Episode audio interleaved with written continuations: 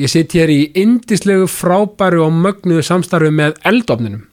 Eldofnin uh, Grímsbæ við uh, Bústaðaveg, frábærar pítsur, ég, mínar uppáhaldspítsur og uh, já, sko viðmóti líka sem maður fær á eldofninum. Maður mætir, ne, hvort sem maður er að borða á staðnum eða í, í, í hérna að taka með sér í takeaway, viðmóti sem maður fær, maður er alltaf bros, alltaf hlýja, alltaf gleði það er einhvern veginn bara, það er þessi fjölskyldu stemming sem maður finnur þarna inni en það er þetta fjölskyldu reginstaður og búin að vera starfandi í 13 ár. Takk fyrir túkall. En mín uppáhaldspizza akkurat núna er Siggi Spes. Ég vinn svolítið mikið með Spes matseðilin, Spes pizzunar og Siggi Spes er mín uppáhalds akkurat núna að því að það er jalapeno á, á pizzunni, gefur mér svo sterkan keim og uh, já, er, þessi pizza er náttúrulega bara já, hún er frábær. Og eins og alla pizzunar þarna og uh, við vinnum svolítið með, við fjölskyldan við vinnum með það að fá okkur sérst, hérna, eh, taka pítsu fyrir mannskapin og kvíðlusbröð líka. Kvíðlusbröð og eldafnunum er náttúrulega bara upp á 10,5 uh, svo líka fyrir manni sem mig sem er eh, algjör kaffi unnandi það er náttúrulega sko kaffi, sko þau, þau flytjum kaffi frá Ítalju sem heitir Ítalkaffi þetta er frábært kaffi og ítalkaffi og ítalkaffi fæst á eldofnunum sjálfum þetta og í meilabúðinni ég mæli með þessu, prófa þetta kombo, pizza og kaffi. Eldofnun er opinn frá 5 til 9 alla daga nema mánudaga. Þannig að á mánudögum þegar maður er að spá í hvað maður ætlar að borða á morgun, sérst á þriðu degi þá getur maður að fara á eldofni.is og uh, já, bara fundið eitthvað fyrir sig og sína. Þannig að allir að fara á eldofni.is og, og skoða allt sem undra heim eldofsins hvort það er í, í pizzuheiminum eða í kaffinu? Gestum í þessa vikuna er Ómar Úlfur Eithórsson Ómar Úlfur er algjör snillingur, útarsmaður og X977 dagskrafstjóri X-ins. Algjör snillingur, uh, jákvæður með endamum og ríkilega gaman að spjalla við Ómar. Ómar Úlfur, gjör svo vel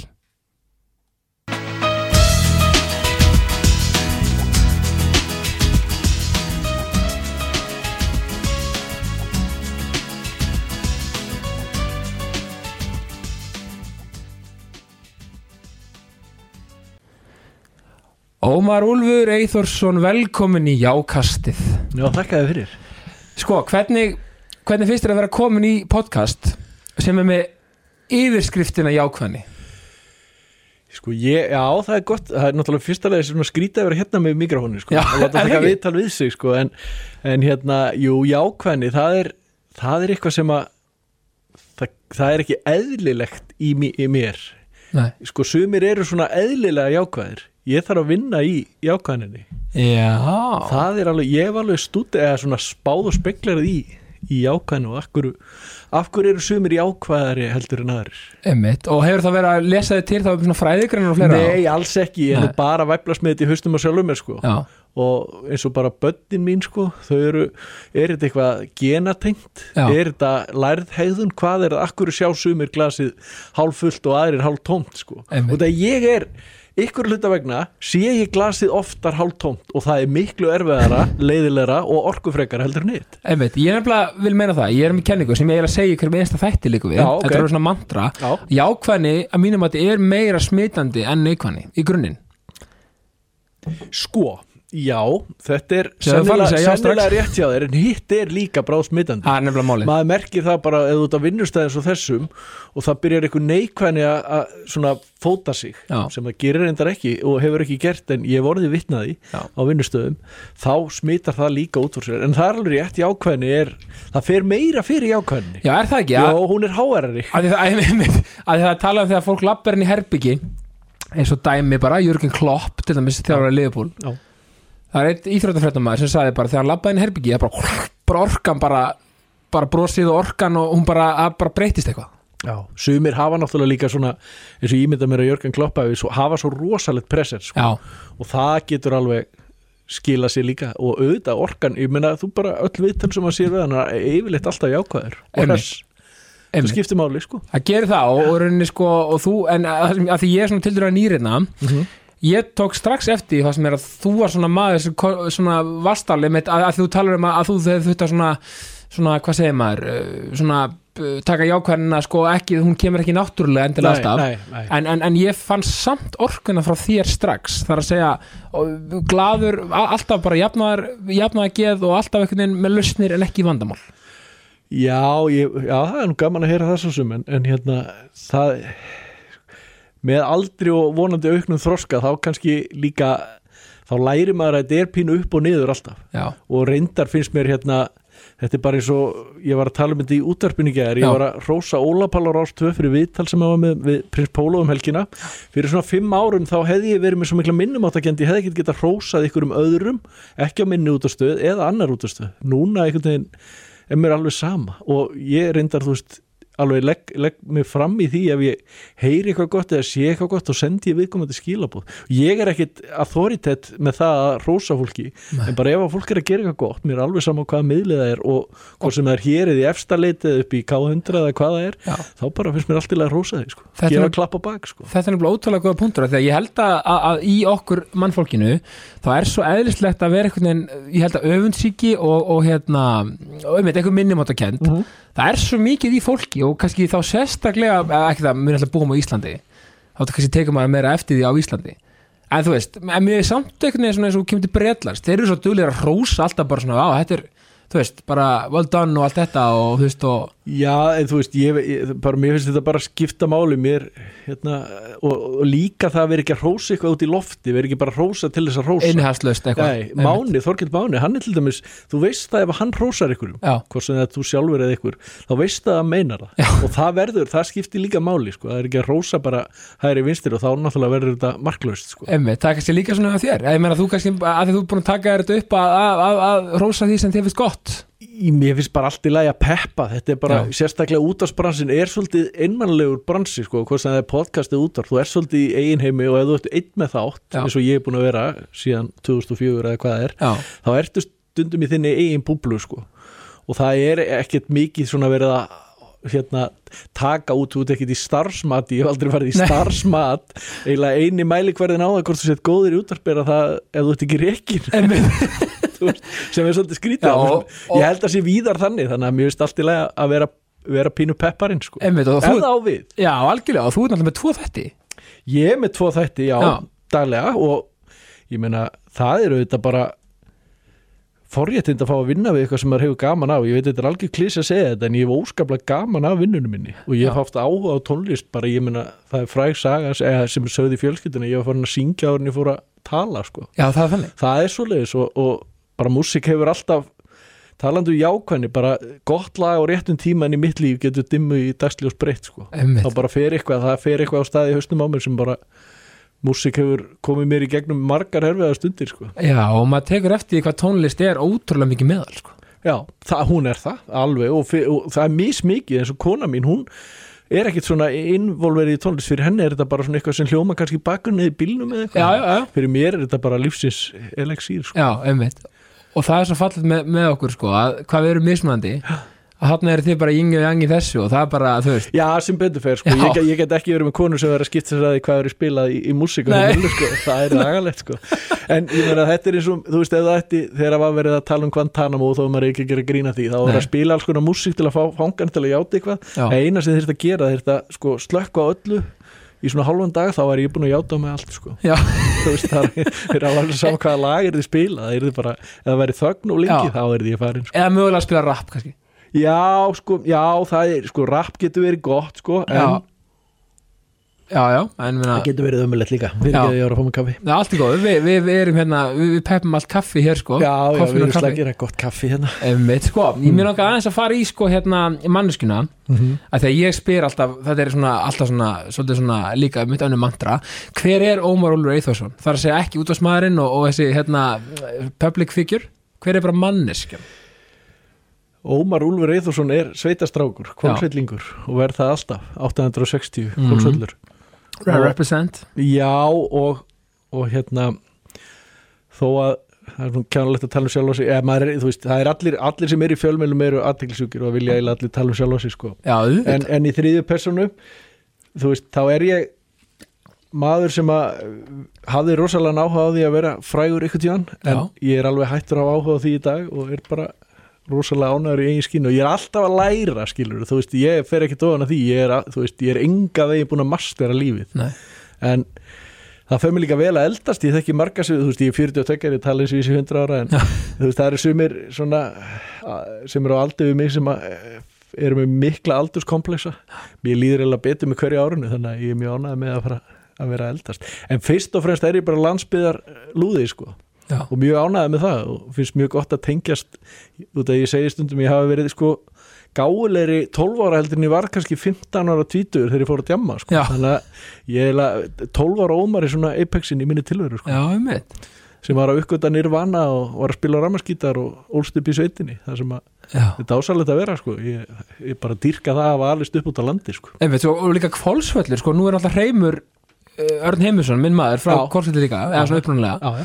það hvað, er eitthvað í vatninu þarna, hvað hérna, það er bara hver stjarnan að fættur aðri Nei, ég var einmitt að ég var einmitt að hugsa um þetta ég var að hlusta á þetta viðtal Ólaballa við Prins Pól og hann Já. var, sá karakter var til út á landi og ég er svona pínu, pínu á því að það er ótrúlega mark út það er pínu svona landbyðarhóki af varstundum uh, að það er eitthvað aðeins ekstra þegar þú ert utan á landi. Já, og ég, sko, Reymur, já, ég meina Reymur var við ólust upp og, erum á svipuðum aldrei á kválsill og ég man eftir við vorum saman í mörgum áfangum í FSU, Fjölbjörnskóla Suðurlands já, þegar hann var að meika það.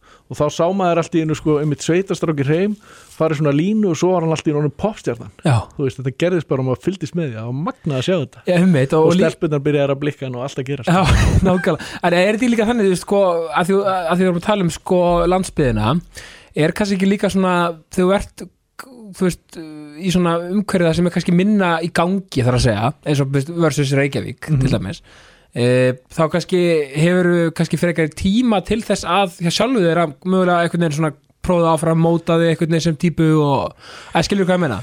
Sko, batnaska mín er eins og 80s ævintýramynd, sko, Já. er eins og Goonies við vorum bara í bílskutnum á litla geri tíu heimaða mér, Já. sem bílskur á tveimur hæðum, þar vorum við að smíða sko vespur, sem sagt hérna ramars, eða sem sagt hérna svona móturhjól, Já, og þá tókum við grind af öðru hjóli, mótor og hinu og vorum ekki gamlir þegar við vorum að þessu. Og skeittum þessu saman og svo kyrði maður þetta um allan bæinn og löggan tók þetta á okkur, þetta var náttúrulega kólólulegt og, og, og óskráð. Svo einhvern tíðan vorum við að lappa frá lauruglustöðinu þá var hurðin opinn, stóra yngislurinn og við Já. sáum verspunum, við sóttum hann aftur. Þú veist, þetta, þetta, þú veist, fólk bara sípi kveljir þetta er bara blaðamál í dag. En við, þú veist, svona var, voru allir dagar. Já, voru bara ævintýrum, maður var alltaf að búa sér til eitthvað að gera. Einmitt. og það er auðvitað bara dásanlega þegar maður sér það auðvitað að núna í dag að þú veist krakkar geta þetta alveg og þau gera þetta alveg og þegar maður, þú segir já þetta var miklu betri gamla dag, ég ætla að vona maður dettur stundum í þann fasa en það er ekki rétt megum ekki glema því að þetta er alltaf á leiðinu upp upp og áfram sko. Ég er nefnilega held að við, ég held að uh, mann kynni verið alltaf betra og betra með eftir því sem líður sko já, ég hérna bara ungt fólk sem maður hittir í dag þetta er Þetta er óbáslega vel þengjandi og gott fólk martaði sko, en svo bara eins og hefur alltaf verið, það eru misip sögur í mörgum fyrir sko. Einmitt, svo er líka þetta fjarlæðingir í fjöllum blá og þetta allt saman. og svo bara er líka fullt að því sem að þessar breytingar er svo bara með vinnusemi á Íslandi, það var alltaf verið ára að vinna bara og alltaf að vinna, svo bara er komið kynslu sem að segir, nei, veistu ég legg ekki svona mikið upp úr vinnunni. Nei. ég vil hafa meiri frítíma, það þýr ekkit þú sett latur, þetta er bara aðrar áherslur. Akkurat, það er bara þannig,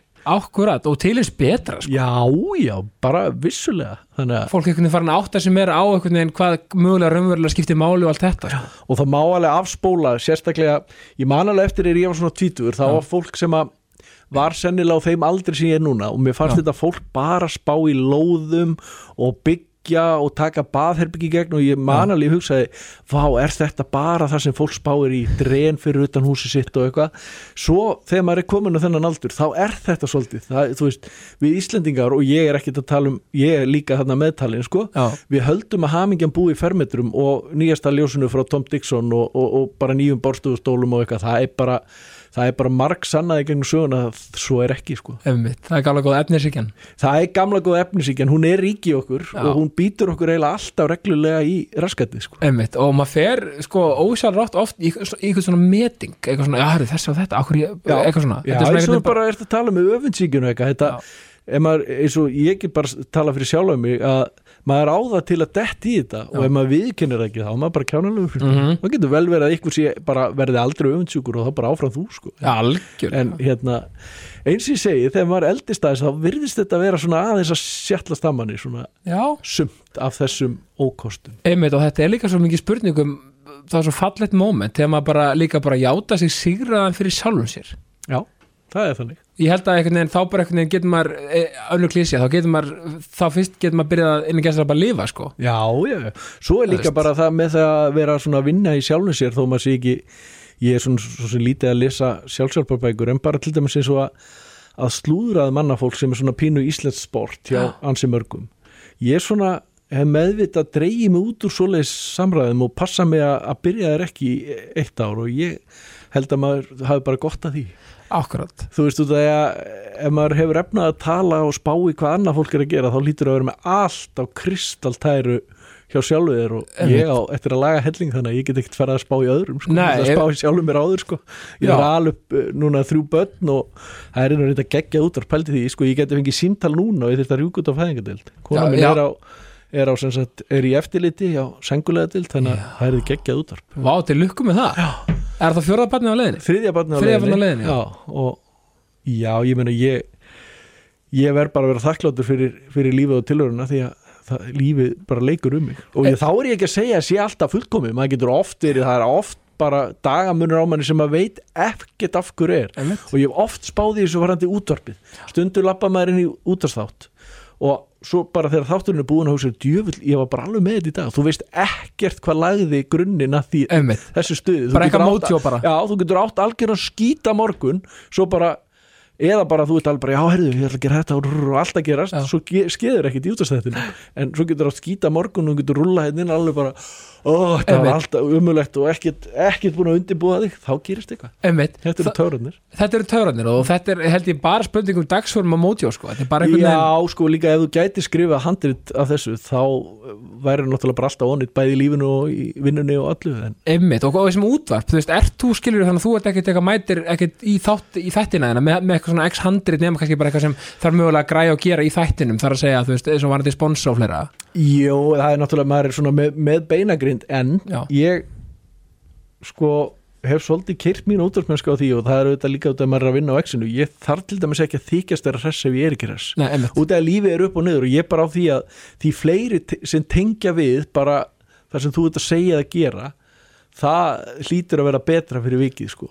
Einmitt. Og, og hérna og, og reyna bara að vera einlægur, ég er ekki að segja að maður komum bara með eitthvað þrumuski yfir sér og fara, já, þetta er alveg umöluðu dagur en bara betra að sleppa þessu. Nei, nei, en uh, ég, ég reynir svona að peppa peppa það að vera fremur jákvæðu með yfir línuna. Já.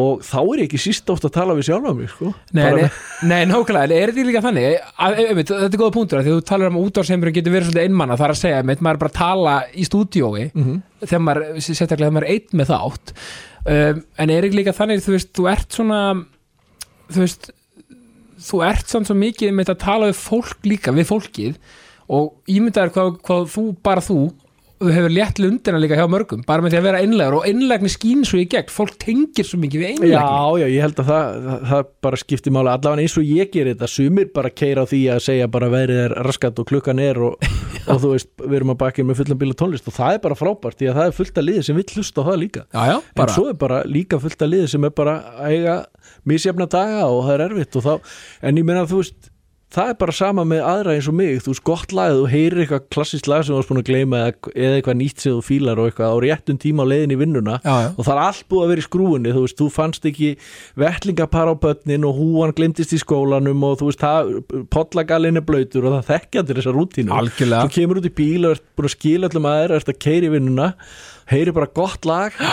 Kannski getur staldra við á bílastæðinu klára lagið ég meina þú ert bara búin að hlaða batteri Nákvæmlega, og af, hverju, og af hverju eru lög betri þegar þau komið útarpinu heldur en þegar maður setur á sjálfur? Er ekki bara svona að þau bjóst ekki við því? það er eitthvað við þetta, ég meina ég nota mikið Spotify og þetta, þessi umræða með algoritman og allt það, ég hugsa það bara að manniskan er ekki algoritmi, ég held að Nei. sé bara ég held að sé bara þannig Já, að því að, því að þegar maður, maður kann- kannski hlusta lag í gær, svo kemur í útarpinu kannski eitt af manns uppáhalds, þá er maður bara eitthvað, yes, það hækkar maður í botn, ég Mhm. Ætlar að tengja við það sko. já, svo hérna er það þannig að þú getur fengið ógæð ykkur lægi og það, svo er það kvílt bara eins og í útarpið að lagi að spila mikið það er að kvílt Já, já. í ykkur ákveðin tíma og svo dettur það inn aftur. Er allt, og svo bara getur komið stemning eins og þetta Kate Bush lag sem er komið á toppi núna út um allt.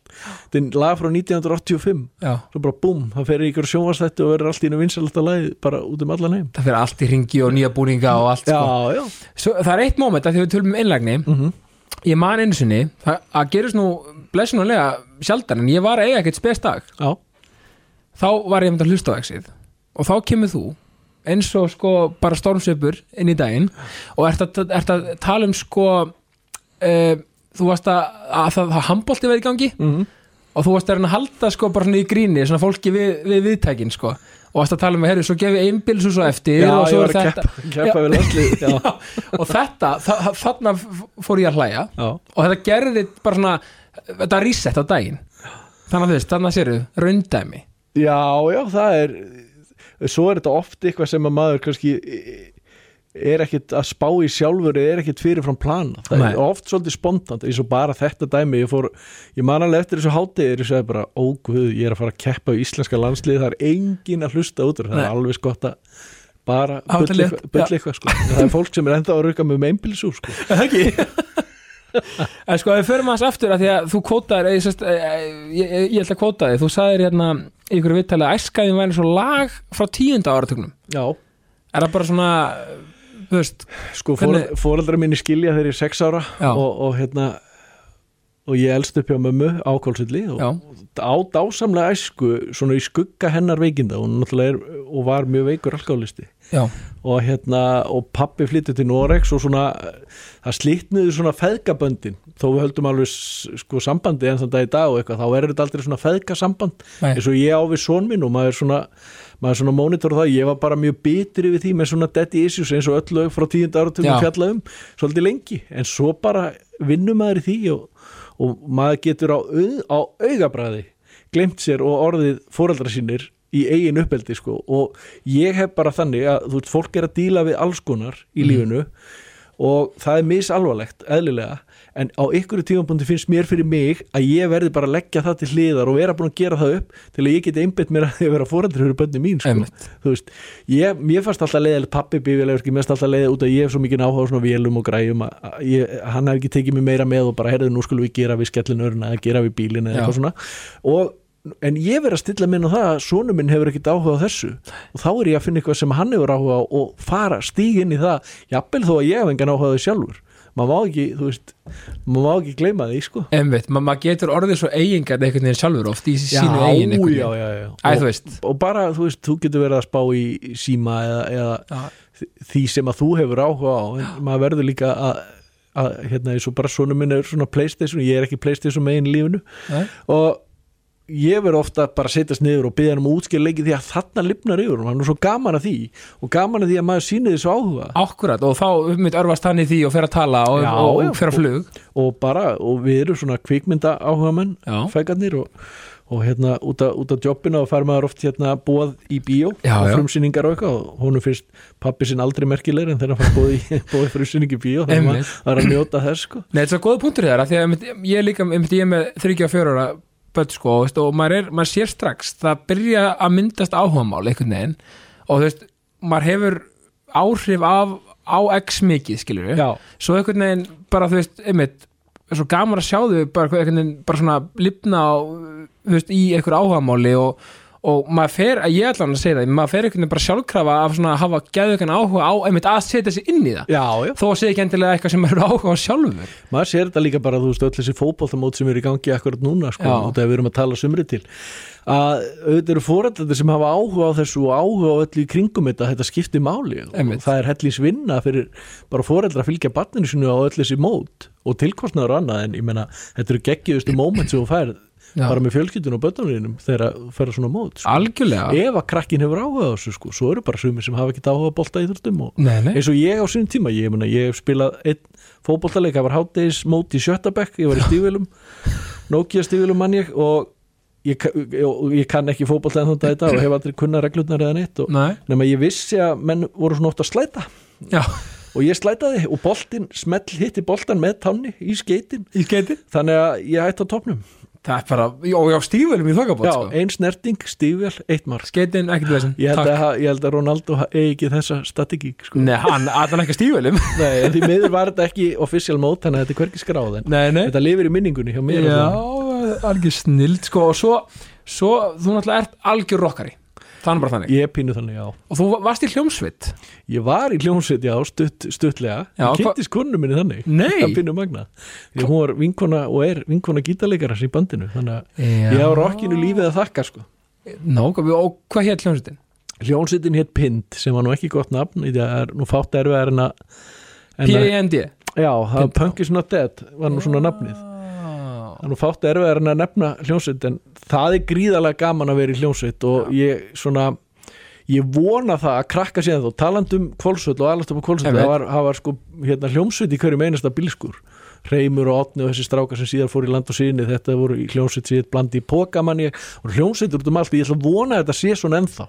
Ég ætla að vona að krakkar síðan út eða nú er þetta allt komið í tölvu og maður veit að fólk er að búið, eða krakkar er að búið til takta í tölvun og eitthvað en þetta sé þessi félagslega samkoma að koma saman í bílskur æfa, þú veist, þetta er, þetta er geggja Einmitt, ég held að þetta sé ennþá í gangi því að eh, ef mér skjáttast ekki þá erum alltaf músiktilunir alltaf á fullu. Já, já, og þar sér maður ótrúlega skemmtileg bönd oft. Já, já og Sigumólin sem er svona tólistakeppni sem við erum með á X-inu það, það, við prófum að halda það fyrir tveimur árum í fyrsta skipti og maður vissi ekki alveg í hvað maður var að fara en það er ótrúlega gróska í alls konar músík. Einmitt, og, og er ekki talað um krakkana í dag? Veist, er ekki svona, þetta er svolítið farið hringa ekki, er ekki mennum þetta svolítið að sækja í allan eins og ég sé það, veist menn er að veist, klæða sér Nirvana og, og þú veist, Billie Eilish, þú veist, til dæmis svolítið fyrirmynd, sko, hún er svolítið svona svolítið svona pöngu típa, þú veist og, og fleira, Jú, þú jú, veist. eins og þú segir, þetta fer allt í ringi ég var nú á Icelandic Tattoo Convention um daginn og þar var einn flúrari frá Ameríku sem sagði mér, já, Tribal is coming back. Og ég sagði, yes. Það var tattoo sem að fekk sér 97 loksins og þetta þetta er í disku. Nákvæmlega og líka, og, og þessu góða punktur ég man hérna að hérna Dave Grohl hann sagði einu sinni sko hérna að því að þessar hérna söngvakeppnir úti og svona sem bara gott að blessa og frábært að fólk fái tækifæri þar og svona. En hann sagði sko já sko ef við strákarnir Nirvana hefum farið sem hljómsveit í X-Factor Mhm. við, við hefum verið bössaðar út strax. Já, og að því að hann sagði við vorum bara strákar við bara mættum inn í bílskur við kunnum ekkit, eiginlega ekkit að spila bara byrjuðum bara og úrkom nirvana skilur þannig að það er ekkit endilega heldur þeir sem eru um hæfileika ríkastir innan gæsalapað sko í hljó, hljóðfærarleika, sönga eitthvað sem endilega meika, það er bara líka kemistría og þú veist, allt þetta? Já, já, og svo líka ég væri ekkit að tala á X-in í dag talandi um Nirvana, ef að Nirvana hefði ekki sleiði í gegn 91 þegar ég er 11 ára. Einmitt, það er bara, þú veist, fólk talar um Seppelin og Bítlana sem sinn mikla kveld fólk sem er miklu eldri en við. Já, þetta var bara minn mikli kvellur ég man bara eftir því og ég er búin að segja svo oft frá þessu útdarpinu þegar ég fekk í mikla garð upp í Holtagur og fekk hérna Nevermind kassetuna sett hann í bláa Walkmanin og þú veist þetta er bara, þú veist þegar ég ítt á play það var, þú veist þetta voru ömuleg svona headphones með snúru og ekki inn í eirum voru svona utan um eirum svona litlir böttar sem að þú veist þetta var engin hljóngjaði en með leið bara sem ég var í stærstu sko hátölurum í heimi. Og þú veist, ég vissum að augun á mér hafa bara farið bara, bara leið og ég heyrði smelsalægt tín spirit. Þá vissi ástu ég fyrstu sín? Já, ég vissi bara lífið ég bara fann það á mér og þetta er svona pínu háfleitt að segja þetta en ég vissi bara einhvern veginn að þetta er aldrei eins. Þetta var bara algjör bara mikli kvöldur í höstum á manni. Og, og úr þessu, sko, Nirvana er líka svona fyrsta músikgrúski mitt. Ég fór að hugsa og þetta er áður en interneti var Já. af hverju er þetta svona gott, hvaðan kemur þetta? Af hverju er þetta svona, hvað voru þessi menn að hlusta og allt svona, ég var 11 ára. Og þarna bara þetta þannig laðu grunnuna því sem ég er að gera í dag í vinnunni og öllum þessum áhuga sem ég hef því þetta færið mig, maður fór að lesa viðtöl í tónlistablöðum við Körk og Ben og hann var svo mikill músikáhuga maður og var að, lesa, eða segja frá hljómsveitir sem hann hafði hlusta á fór maður að kynna sér hljómsveitinar og maður var að fara og kaupa geisladiska það var ekkit, þú veist, þetta var þú þurftur ekki að hafa fyrir þurfti að hafa fyrir þessu og þetta er pínu ég hef ekkert fyrir mér í þessu en ef það er of auðvelt að sækja upplýsingarnar eins og það er í dag sem hefur sína kosti verður maður vittlisari fyrir vikið Já, það er góð spurning, af því, að, því að það er svo einmitt, veist, ég er, einmitt fættur 91, sko, já. og eh, þannig að maður, ég er kannski mögulega síðasta kynslu sem var einmitt í, í þessu grúski, sko, með, með diska og svona, eða þú veist, þú veist hvað að meina, þú veist. Já. ég er að klára tíutabæk 2007, þá er þetta svona svolítið að fara í þessa átt svolítið mikið og ég er einmitt manal eftir þessu, maður þurfti að hafa fyrir því að þú veist, einmitt, kaupa disk og ma maður var svo spenntur að fara í plötu úti, maður fyrir útlanda já, já. Að ba- bara hérna vaff á, nei hvað heitir hérna uh, His Master's Voice, mm. -hmm. vaff það var bara draumur og veist, það er, þú veist, þessar búður eru eiginlega bara hortnar í dag Já, já, en svo líka verður maður að svo er þetta bara eins og segir, krakkar sem er að alast upp í dag og þú veist, tónlist ég er svona talsmaður þess að tónlist úrlingsárana Já. hún setur stefnuna fyrir því hvernig þú verður, þú, það er alltaf tónlist sem talar mest til þín held ég. Hvort sem það er Billie Eilish eða Nirvana sko.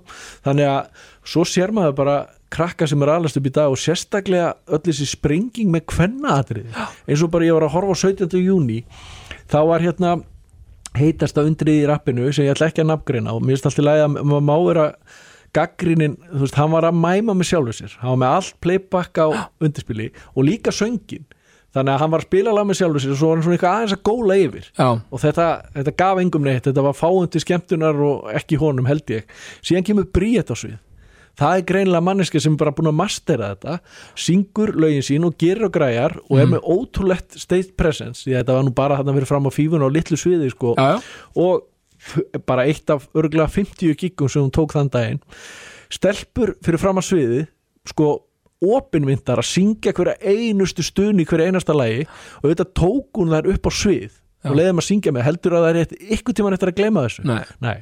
þannig að það er skiptið máli hvernig þetta er gert og það, það er eins og, eins og segir með Billie Eilish og Bríett hérna heima á eitthvað að ég las svo flotta línu um, um hérna um Bríetti að loksis hafa stelpunar eignar sinn bubba Einmitt. hugsaðir, það er, það er bara geggja Það er þetta alveg frába punktur. Já, það, að, svona, hún er að syngja um svona mikil tilfinningamál og eitthvað. Og auðvitað kannski er það bara þannig að konur tengi ekki jafn mikið við tónlist Bubba Mortis eins og ég hef gert í gegnum tíðina. Einmitt. ég hef tengt mjög mikið við hann sko og að og hann er auðvitað kallið svo ég og þú þannig að Einmitt og, og, skilir aðeins á milli. Já, og Bríett virðist líka vera svo svakalega góðu laghöndur Já, hún er frábælaðundur og textahundur Já. það er eitthvað meiningurinn lýs og, og miklu dýpri fyrir, fyrir þessa ungu krakka en fyrir mig og þig sko, sem Einmitt. er frábært algjörlega, ég meina þetta, er svo tólestamenn sem ná einmitt þessu að segja sögur einhvern veginn og, og maður verður bara eins og Bubbi, Agnes og Friðrik þú veist, hvernig hann Mhm. kemur því einhvern veginn í lag, er bara magn það er magna og þú veist, Pa- Paldi, bara svona smá sjátátt einmitt á hérna Bubba líka veist, hvað er hann að gefa svona 800 lög eða eitthvað? Og hann er, búin, er ekki rétt um mér, hann er búin að vera topplista örugglega í 40 ár. Já, já, hann er eiginlega bara búin að vera á toppi íslenskrar tónlistar síðan hann byrjaði 1980 ég meina, ég, veist, þetta er líka meina, ég veit að David Bowie var á veist, að því hann var svolítið mikið að skipta um gýr og svona alltaf eins og Bubbi gerir. Já, já, ég meina, hann var örgulega í cirka mynd 40 pluss ár á topplista. Mhm. þetta er örgulega bara, líka við einstæmi sko. já, já. En svo er þetta eins og segir með þetta er eins og með bara vorum að tala um útvarpið og allt sem fólk er að gera því fleiri sem tengja við það já, því meira og stærra verður það. Það, þú veist, ég er ekki með stærsta útasátt á landinu og ég er ekki með vinsalast útasátt á landinu. Ég er samt í þeirri forréttindastöðu ég er að gera nákvæmlega það útvarp sem mig langar til að gera. Einmitt. hversu rétt eða ránt sem það er það er enginn sem er að segja herru, voru aðeins að Þú veist, ég bara stend og fell með því sem ég geri. Akkurat. Og það er auðvitað bara geggjað, æðislegt. Það er forutindi og það eru forréttindi og maður má ekki gleyma því því að það er líka svona það er sem betur fyrir á leiðin út út að hlutinir eru nú að þróast og annað að þó að ég og þú séum að blæri mikrofón eða ykkur sé á skjánum í sjónvarpi Mhm. þá get ég lofa þér því að hann er ekkert merkilegri heldur en neitt annar sko. nei, þú veist þetta hefur ekkert með það að gera og ég hef ofta spurðið hvernig endaður í útvarpi? Bara út í að hafa áhuga á músík. Mm, þú veist, það er ekkert flóknar en það. Nei. ég er, þú veist, nefnmæltur og ég er búin að láta brjóta þrísar upp á með nefi og þú veist, ég, ég get alveg dotnin svona ef ég kvefaður og Já. þú veist, það er ekkert þetta, er ekkert eins og í Ameríku bara rock and roll radio og svaka nei. það er alveg sama hvað útnára út þú veist, þú heyrir í, það er alltaf bara yeah we heard it, WN 957 og en hérna bara ef þið langar eitthvað svona þá skaldu ekki, ekki láta þið dreymu manna en þú getur það sko. Já, alma, ég meina, ég meina veist þetta er nefnilega held ég að þetta er eitthvað sem er að hamla oft um svo mörgum Já, í já. einhverjum varandi drauma og svona, nei ekki ég, ég er ekkert kannski sjúkur tólistahámaður Mm. þú veist, akkur ekki hann eins og þú eða já, eitthvað, já, það, er- það er bara nákvæmlega þannig þú er bara að hafa ágóða já, ástriða ég meina ástriða, að hafa ástriði fyrir ykkur og þú veist, það er einhvern veginn líka, ég held að fólk einhvern veginn verði að finna það einhvern veginn hjá sér, sama hvað er bókald, útvarp, alveg sama. Já, þú veist, sko, aftur, ég hef sagt þetta aður sko, Sóli Hólminni mig saði að þú getur alltaf fengið miklu meiri tekjur og miklu meiri úr því að gera eitthvað sem þú elskar og hefur ástriðið fyrir heldur en að fara einhverja praktiska leið sem þér er mögulega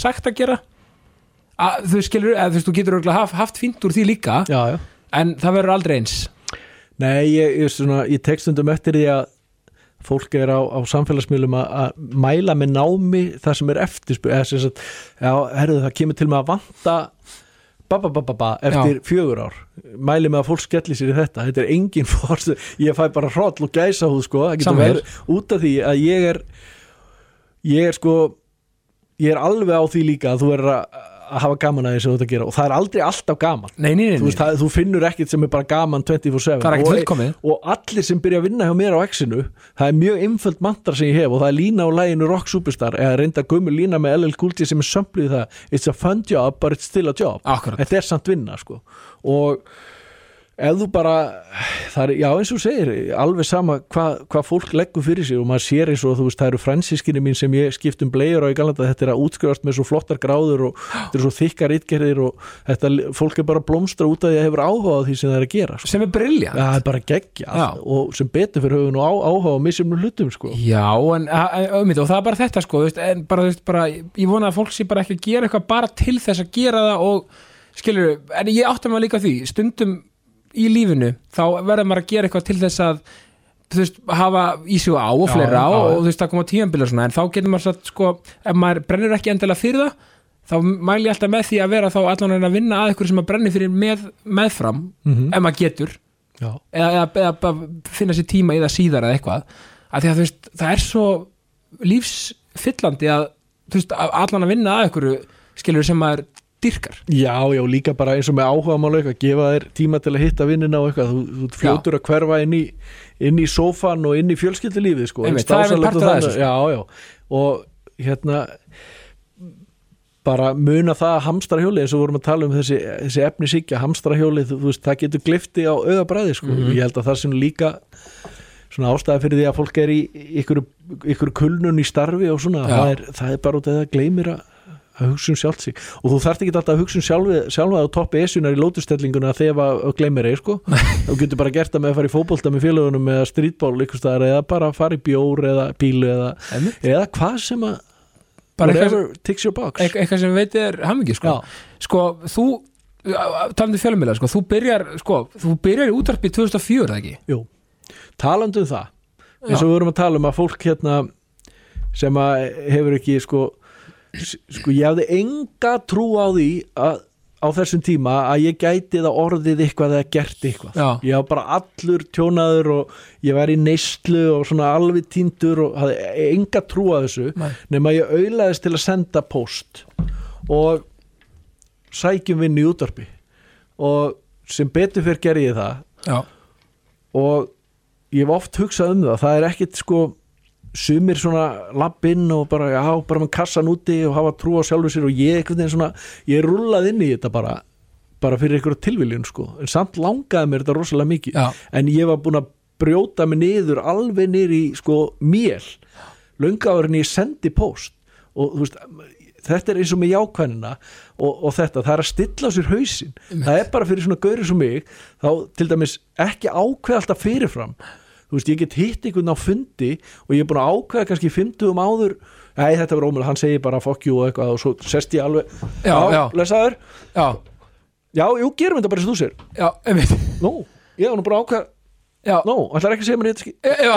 Já, ok, já, gerum það bara bara flott. búa þig undir Já, búa mig undir neikvæðnina ykkur og- neikvæðin og Já, ömuleitin sko. Já, já, það, Svo getur bara vel verið að þú fáir ekki það út úr þessum fundi sem þú vildir en, en ekki ákveða fyrirfram. Þetta er rosalega ríkt í mér og það er bara mikil vinn að breyta þessu. Einmitt og líka, og, veist, einmitt með allt svona það versta sem gerist sem er nú ekki það slemt það er bara að fólk segir nei eða kannski eða setna eða eitthvað, þetta er ekki meira en það sko. Þetta er ekkit meira það. Þannig, Það er bara þannig En þarna byrja ég í útarpi á og, hér þá eða? Nei sko, ég byrja á útastu sem heitir XFM sem var upp í skipolti sem að sem að Siggi Hlu og, og Valli Sport áttu já, á þeim tíma.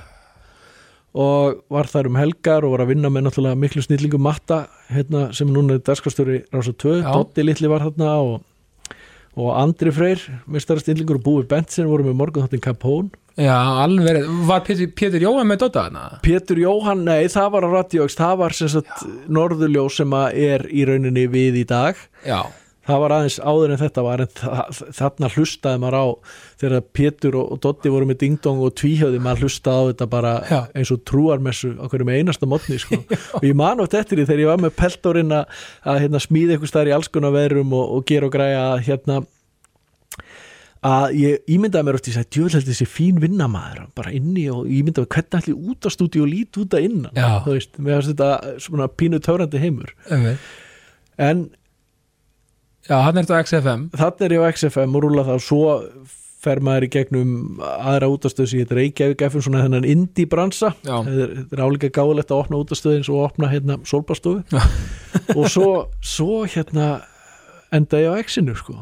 Búin að vera þar heldur lengi sko. Já, þannig að hvenær, hvenær fer þetta á Exit? 2000 og eitthvað eftir einhverja sko að þetta er svona pínu FM 957 legt að muna allar svona dagsendingar eða ártöl, ég er Já. af, af að slappur því ég man ekki hvernig þetta var. Nei, nei, þetta var Æ, ég man ekkit hvernig þetta var, þetta er helviti langt síðan já, já. Já, þú hefum vera hérna lengi sérst, vera, já, já, með hlifum því að þú veist, það er líka hérna Simmi Vill opnaði sjónvastöð og fekk mig ásandöðurum með í það þryggja mánuða dæmi þar sem að náttúrulega ekkit gekk upp eins og átt að ganga upp Nei, en, again, og ma ég man að lettir að maður fór og rosarspentur og byrjaði okkur nýju og alveg bara lit vaða. Mhm svo floppaði það og maður, ó, djöfisins rugglar þetta eitthvað, svo er ekki fyrir nokkrum árum síðan síðan byrjaði aftur ykkur eftir áslið eftir að það dettur upp fyrir á exinu og svo þegar að líða svona tvö ár, þá man ég hugsaði tilbaka og ég sagði, þetta er að besta sem gætt gert fyrir mig Já. ég var á þeim tíma þegar ég hætti á exinu orðin hundleðir út á smannastarfinu langaði að prófa eitthvað nýtt, fór að prófa eitthvað nýtt kynntist fullt af nýju fólki mm.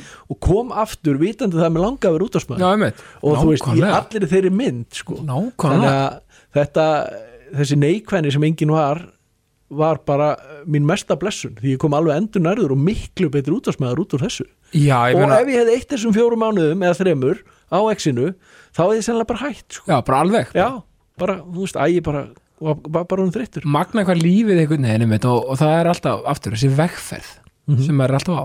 Það er magnað þegar maður einmitt oft horfður tilbaka og hugsa, vá hvað þetta átt að gerast. Já, já, það er ótrúlega margt henni Já, þetta er eitthvað kosmos það er, ég er ég, það er eina sem ég trú á í svona trúabröð með karma sko.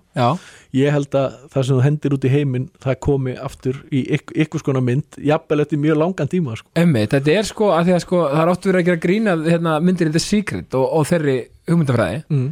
Þú veist, ég er ekkert endilega þar alltaf sko í öllu, en mér er samt lofa traction, mér finnst það svolítið áhugavert Já, sko, eh, bara eins og ég var að tala um þegar ég sendi hennar tölvupost svo ég tala nú bara út frá mér, sko hafði enga trú á mér eða því að ég fengi þessa vinnu, en Nei. samt ykkur hluta vegna gerði maður þetta og það er alveg sama hvað þú gerir og, og ég hef séð fólki í fjölmjölabransar sem að sest niður í svona viðtölu sem ég er hérna og segja bara, já, þetta bara kom allt upp í hendina á mér fólk sækir þetta, Einmitt. það er síkritið í því Akkurat. þú veist, þú stillir hausina mér langar þetta og þú getur gert alls konar, þú getur gert það með að tróði við næsta mann og með einhvern svona skýtlegu eða þú getur bara unnið fast að því hvers þið langar að fara Emmitt, þannig að það er all, all en, og mælum við að gera það fyrir að tróða yfir, tróða stiði fólk. Það hefur reynst mér miklu betur. Já, að vera ekkit með, með stæla og hróka og Nei, kemur það alltaf- leiðist það svo óbóðslega sjálfum sko. já og það kemur held ég alltaf í bakjaður síðan mér Já, sko. ég, ég bara held að það sé þannig. Algjörlega sko, sko þannig, þannig að þú ert búin að veist, sko varstu, sko, ert ekki þú ert núna sko basically sko eða Nú er ég Já, þannig að og, og þú byrjaðir og, og hvað hérna sko, hvaða slotti varst í fyrst á Exinu? Vá, það er góð Ég var fyrst um helgar Fyrst var ég bara með helgarþátt Já, Mætti misgáðulegur og misþunnur í útsendingu stundum sko en, en hérna sem var ekkit endilega rétt að liðin sko Nei. en hérna hafði óskaplega gaman að þessu og, og ykkur luta vegna hjekk maður í þessu og fekk tækifæri til að gera meira sko. Einmitt. Og fara og leysa af í, í hérna í dagdagskroni sem að manni þótti þá og alveg mikið bygg díl og Já. svo hafði maður að gera alls konar. Þetta eru náttúrulega þessar þrjár útastöðar sem eru svona í miklu samkrulli FM, Bilgjan og, og hérna og exið og ég var til dæmis eitt sumar var ég að vinna og sumar ég var að vinna í tvö ár með hemma Gunn að senda út þættina hans á bylginu og Já. það er ómyndanlegt að hafa kynst hemma sko. já, það er mikill toppmaður sko. auðvitað minn gallaður eins og við öll erum. En, en hérna mikill toppmaður gaman að vinna með honum. Valsar eins og ég? Valsar eins og þú. Já, og það er náttúrulega er það er beauty við þetta, við þetta starf er náttúrulega að kynnast mjög skemmtilegu fólki og Já. líka bara hérna við kaffekunar ótrúlegt fólk sem maður hittir KK var hérna í viðtal á bylgjunum daginn og við settist niður og þekkist ekki neitt. Allt í nú vorum við bara í, í sko, klukkutíma spjallu um country tónlist um veiðar, um traktora og bara alls konar. Já, og ég meina þetta er bara það sem gefur lífinu gildi sko. algjörlega, einmitt, það er alveg það er þessi orka í þessu húsi sem er alveg mögnuð hún er, hún, og hún er mögnuð en ef hún hristist eða verður disturbance in the force eins og Mhm. vorum að tala um bara í upphæði með neikvæðina Já. þá getur það líka minn galla og stór hættulegt sko, ég Ef- hef séð að gerast sko, Já, ekki já. hérna á þessari hæð en þetta er þetta er bara ástæðan fyrir að fólk er með mannhuðstjóra í vinnu, það er að algjörlega, halda utan um móralin á vinnustanum algjörlega en, en líka sko, en að þú nefnir allar útastöðanar mér er svo gaman að sjá, að því að þú veist nú kem ég inn í þetta og er svolítið involverar í þessu, hérna verður þú veist í ölsíkonum líka og svona þú veist mér er svo gaman að sjá, veist, það er svo mikil velvild á milli, veist, það er þú veist, það er engin samkeppni, það er að segja þú veist, eitthvað svona þessi, ekki skilur, það er allir að hýfa hvort, hvort annað upp þú veist, það er auðvitað þannig en, en sko Bylgjan er náttúrulega stærsta stöðun og hefur alltaf verið en Mm. auðvitað eru FM og X-ið í samkeppni. Jú, jú, svona þú vilt alltaf vera stærri annars áttu bara að vera, þú veist. Já, það er bara svona heilbriðis já, ég er að segja það, Já. það er ekkit þú veist, ég meina Rikki G og, og Kó og, Bræslan á, á, á mótnana Bræðslan, já. þú veist, það, það, það verður alltaf að vera einhver svona já, smá kýtingur smá kýtingur, já, það er bara eins já. og hell og kólsöllur það er ekkit gaman að það sanna sko. Nei, nei, það verður svona fút í þessu. Það verður að vera fútt í þessu. Og þetta má vera öðruvísi eins og ég segi, þú veist, fólk sem hlustar á FM það er ekki á minni línu sko. Ég sko ég er marga kosti og gríðalega marga ókosti. Einn af mínum kostum er vissulega sá að ég þólið alveg að fólk hafi aðra skoðanir en ég. Já, og með allt, með pólitík með bara heilbriðskerfi með, með tónlist mér er alveg saman það. Og mér finnst bara frábært ef að ykkur er FM einlífuna, ég tengi ekki við það sko. Veist, og það, En- þess vegna er ég á exinu sko. En úr því myndast svo briljant samræðar oft. Já, já, já, bara hver er mekkanum mekkanum svona bakið þinn tóltasmekk og öfugt eða eitthvað, þú veist það er svo fallegt þú veist, bara, já ég elska tekno já ok, geggja, af hverju, eða skilur þú veist, eins og e- hérna, eina mínum upp á hljósutum það klass, Egil Plóter hann hafði aldrei heyrt á það minnstu daginn. Ég bara skil ekki ég skil ekki hvar mér langar svo að vita hvar hefur eitt lífinu hvað hefur verið að hlusta þegar það gerir þetta ekki sko. og hann rek- rekti þetta ekki, ég held að hann væri bara að- að bulli mér sko. Já, já, hann meina kannaðist eitthvað við lagi London Calling Já, en- bara svona að heyrta ykkur auðlýsingu en hugsaðu, þá getur þú frætt að bara um það? Já, já, mér, mér, bara, mér er bara geggja að fólk sé örvísi já, bara, það æðislegt. Þú veist, ef ég væri, eins og þú segir mér ef ég væri með konu minn og væri lík mér ég væri löngu skilin við hana Já, og hún við mig, eða þú skilur við, þú veist, Já, ég langar ekki að gifta sjálfum mér, guð minn góður. Sama, sama, sama segi ég. Sko, og það það er líka ég elska við þig Ómar, þú ert svolítið eins og ég. Þú veist, þú ert svona þú, þú, þú veist, ég elska það, það þú veist, þú ert ekkert svona formlegur. Það er bara svona, þú veist, þú kemur bara svona bara mæti bara í myndaból eins og ég líka. Þú veist, ég elska þetta, bara svona með tattúinn og bara, með, með, þú veist, ég elska þetta er mér svo töff að vera ég hef, þú, þú mátt ekki jakkafættum í vinnuna, sko. Nei sko, málið er að ég ég náttúrulega er 42 ára Já. og hérna alltaf reglulega þá horfum ég í spil og segja, herði, nú er þetta komið gott. Nú er að leggja þessum seppelinból og aðeins og ég mæti kannski með hérna í svona fítnibuxum og með í skirtu og með hérna belti og eitthvað. Og það er ég alltaf spurður, það var alveg fít hvað, þetta fyrir ykkur að veistlega og þetta endist alltaf einn eða tvo daga sko. því að, já eins og ég segi ég, ég er því að maður ma, ma, ma, ma, það bara, er fallið að feysa bara hver maður er. Já, já, og þegar við vorum í skaftalíðinni skilur, nú er maður hérna í, þú veist, rosa flottir aðstöðu og kluggar Mhm. á alla kanta, við vorum þar í, í kjallaranum og það var gluggaleg stúdíu allstaðar FM hinum með gangin og bylgjan og svo voru við sko eiginlega alveg á sér gangi og þar gæti maður verið bera ofan að lúftrum alveg geggjaður á föstudegi.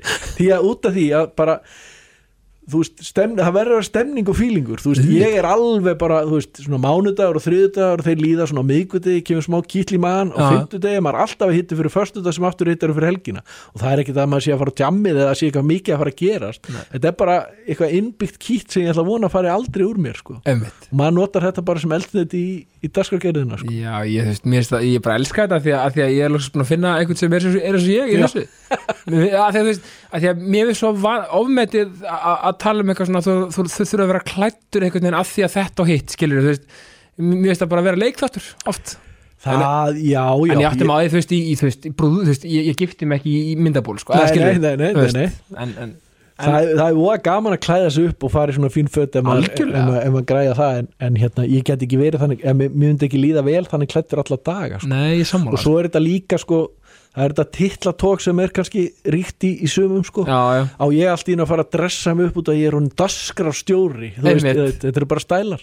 Ég er bara að vinna þetta eins og þú veist bara mitt hlutverk á exin í dag er að vera með mínu útastætti, halda utan um stöðina og mikið djöfull er þetta dásamlegt og er dásamlegt þegar maður fær einhvern annan í jobbið eða þú veist sem er á öðrum staði í dagskráni Já. sem brillerar, bara eins og Tommy Steindós og Addi og Danni og þessi strákar sem er að vinna á mig núna, ég er svo svakalega ánaði með krúið, Máni á kvöldin þar sem að spila bara það sem að vill og rífu kjaft, bara hæðislegt og honum er aldrei liðið betur að hérna að, að þetta sé, þessi gauðra sé að brillera. Já, bara geggja, sko. Já, ég meina, þú veist, bara frábært. Já, þú veist, það er mjög flott dagskrá og ég er bara einhvern veginn bara þú veist, náttúrulega náttúrulega, þú veist, Harmageddon bara legendir í stöf og, og allt þetta. En, en, það er líka, en það er bara líka svo gaman og stundum bara einhvern veginn er líka bara svo fest að fá bara eitthvað algjörlega komplett nýtt. Já, já. Þú veist, bara og ég, mér bara það er ekkit allir sem við geta stíið inn í Harmageddon slottið eins og, eins og Tommy Steindós hefur gert sko. ég segi það og ég meina og það aldeilis og ég meina þú veist, að mörgu leiti hefur kannski X-ið aldrei verið feskara eins og akkurat núna. Þetta, er, þetta er endalus bara, þetta er endalus stilling hvað átt að spila, hvað átt ekki að spila Já, hversu gamalt átt að spila hvernig er stemmingin, þetta er þetta er pínu, útvarsfræðin eru mjög skemmtileg fræði, sko, því að þau eru, þau eru að breytast held ég mjög hratt, sko. Þau hafa, sko bara eins og, hvað eru krakkar að hlusta ef maður ætlar að miða við kynnslóðuna sem er að koma upp, ég merki á bötunum mínum ef að, þú veist, það er verið að horfa á TikTok eða eitthvað, Mhm. það getur verið þungarúslag svo kemur flýt út makk svo kemur hippalag, svo kemur rap það er engin, það er engin, þú veit ekki rockar eða hiphoppari eins og þegar ég var sko. Nei, nei, þú veist, þetta er bara gott lag bara gott lag einmitt og þetta er eitthvað sem útast, engin útast í heiminum er að prógramera svona, Nei. en þetta var svona byrjað útvarp, Já. þú kannst bara spila Led Zeppelin, svo bara, heyrðu, hlustum að Frank Sinatra næst, Já, einmitt. Ég, ég væri pínu til í þetta, ég ætla ekki svona- að fara með exit þarna, en þú veist, Nei. þetta er bara út af að ég er með svo breiðan tónlistasmekki þekkit íslenska tónlist mjög vel. Já. ég er ekki að spila nema brota brota því að exinu skiluru, en mér finnst þetta eigi að vera pínu lifandi. Þú átt pínu að tölvan á ekki alveg að taka stjórnina og, og þú veist, þú getur sett í þessi blessuðu kerfi sem við erum með allar heimsins reglur, já, þarna og eftir þessu lagi kemur svona og þarna og er þetta mjög hrest og svo kemur aðeins minna hrest og svo bara rólegt og svo hrest aftur. Einmitt. og þetta er alls konar svona reglur og struktúrar sem að eru bara, þau ná aldrei mannlegu hliðinni, eins og bara til dæmis segjum að uh, þú veit að það, sko, Ísland er á EM Ísland skorar vinnur England.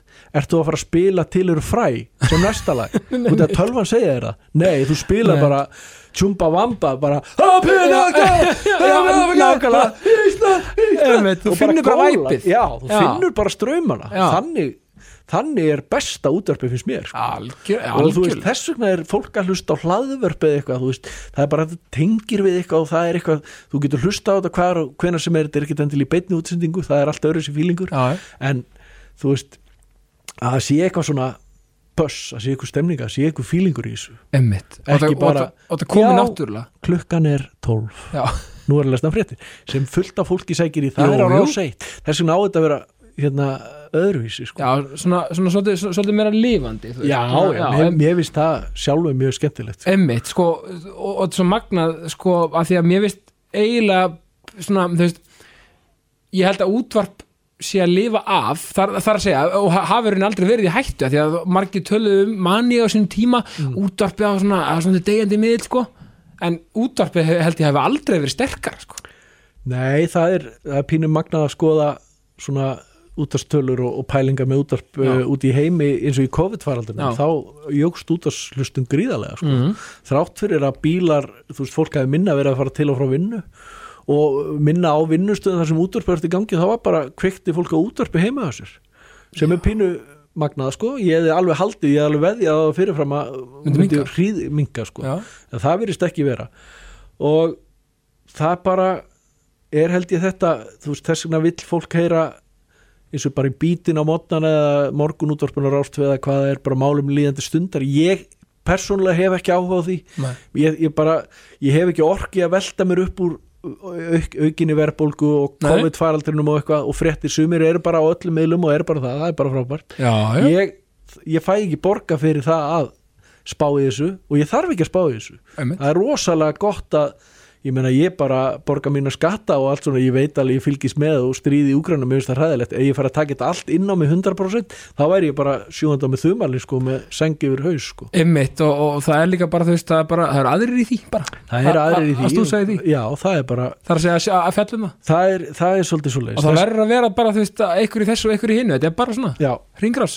En ég hérna hef mjög gaman að, að hlusta út og ólíkt útvarsfólk sem að hérna og sérstaklega svona sem eru það er náttúrulega allt önnur orka þegar er svona ykkur, ykkur fleiri við mikrofóni sko, það er Já. ykkur þáttur, það sem eru tveir eða þrýr það er allt önnur orka og Já, skemmtileg.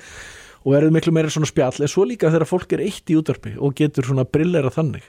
Það er bara eins og, eins og ég var að tala um atta og mána, þú veist að vera líka eins og ég er í loftinu frá 12 til 16 það er allt öðru orka sem er frá kannski 6 til 10 einmitt. og þegar menn svona finna röddin og segja bara er þið hlusta á alveg geggja lagina og veist, segja smá sögu og hafa smá ekki bara þetta var og þetta er. Það er versta útastmennska sem ég veit um. Einmitt. já við vorum að hlusta hérna á fúfættis við skulum skella okkur næst yfir í Já.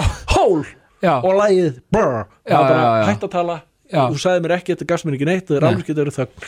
En svo þetta maður í að taka einu og einu svona kynningu sjálfur sko. Já kannski, kannski veist. en, en þú veist og líka eins og hérna hann, hann Atli Már sem er um helgar á Rás 2 já, hann er sérstaklega góður í það að taka hlustendur á, í beina útsendingu sem að ringi inn og börn og annað.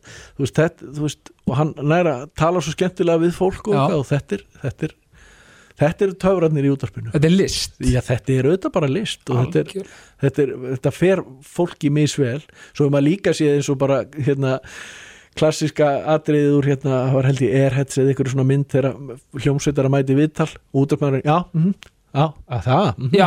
og þú veist, hann er ekkert að fylgjast með það er engin áhugi og, og veit ekkert og þú veist, það er eins og bara til dæmis þegar maður fær hljómsveit í, í spjall með, hérna, með nýja lægi sitt Já. þú veist, it's all been done before einmitt. þá er mjög gaman fyrst mér að spyrja og yfirleitt er þetta nú kannski fólk sem að þekkir hefur oft ekki viðtalið áður það er bara vöflur, Nutella eða rjómi já, og það er fólk bara, já, já, eh, meinar það bara, og byrjar ykkur bara Já, boltar brjóta ísinn. já, bara eitthvað algjört bull.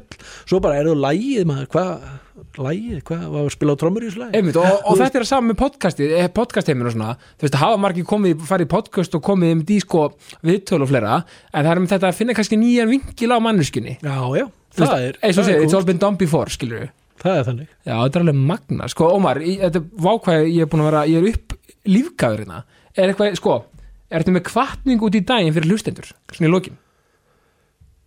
Bara eitthvað svona, einhver mantra kvartning, já, horfði í speil, já, þú veist nákvæmlega langbest hvað er að í þínu lífi og ef þú viðkennir það og þú horfir í augun og segir, herði, já þú veist, ég mætti vera pínu ég mætti nöldra minna. Ég hef verið að díla á það undan vikur. Ég nöldra mikið, kona Ok. mín er ólétt heima og þú veist, hún á að vera í bómul. Ólétt heima, hún er núna á, sko, undir eftirliti það er ekkert alveg, hún er eftirliti á, á sengurlegudeild, já, já.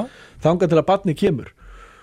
Ég á ekki að vera nöldur í henni út af einhverju, hvað djöfull kostar orðið flýsal í mikið, eitthvað, þú veist, maður á bara bensið hefur hækkað. Já, djöfullur bensinverð hækka, maður á bara að taka þetta maður á að gleypa og, þú veist og ég uppgötaði þetta bara tömdöfum og þá bara talaði við sjálfum mig, bara þú veist, horfið peil og nú er ég náttúrulega að segja alltaf frá þessu að bara, herðu, hættu svo nöldri þú veist, út af að ég heyri sjálfur þú veist, þetta er bara eins og með amtvílu eða svitafílu, ef þú finnur það sjálfur þá veist að hún er stæk sko. Ef þú heyri sjálfur hvað þú ert leðilegur þá verður að trappa þig niður og hætta að nöldra sko. Áttaði á því ef þú ert komin aðeins yfir strikið og auðvitað er bara flott að, að, að sálfræðingar, geðlæknar allt sem þú getur notað viniðinar, vinalínan, whatever.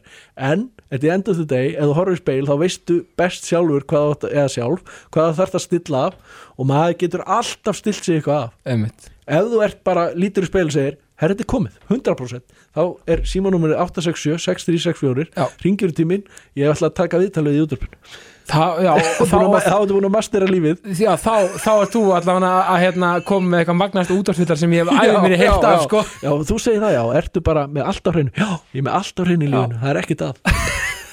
Nákvæmlega, við skulum ekki bara blekja okkur sjálf og höfum bara svolítið, þú veist, áttum okkur á okkur sjálfum og höfum gaman að þessu. Já, og hamingjan býr ekki í fermetrum. Við skulum aldrei gleyma því. Ná, og þarft ekkit endilega stærri íbúð. Og þarft ekki meira húsnæðislán, fara Nei. frekar til útlanda. Já, eða bara fara inn á við líka. Já, Ómar, Úlfur, þakka kærlega fyrir komin í mig. Og ég ætla bara að segja eins og alltaf ást og friður. Peace out. Peace out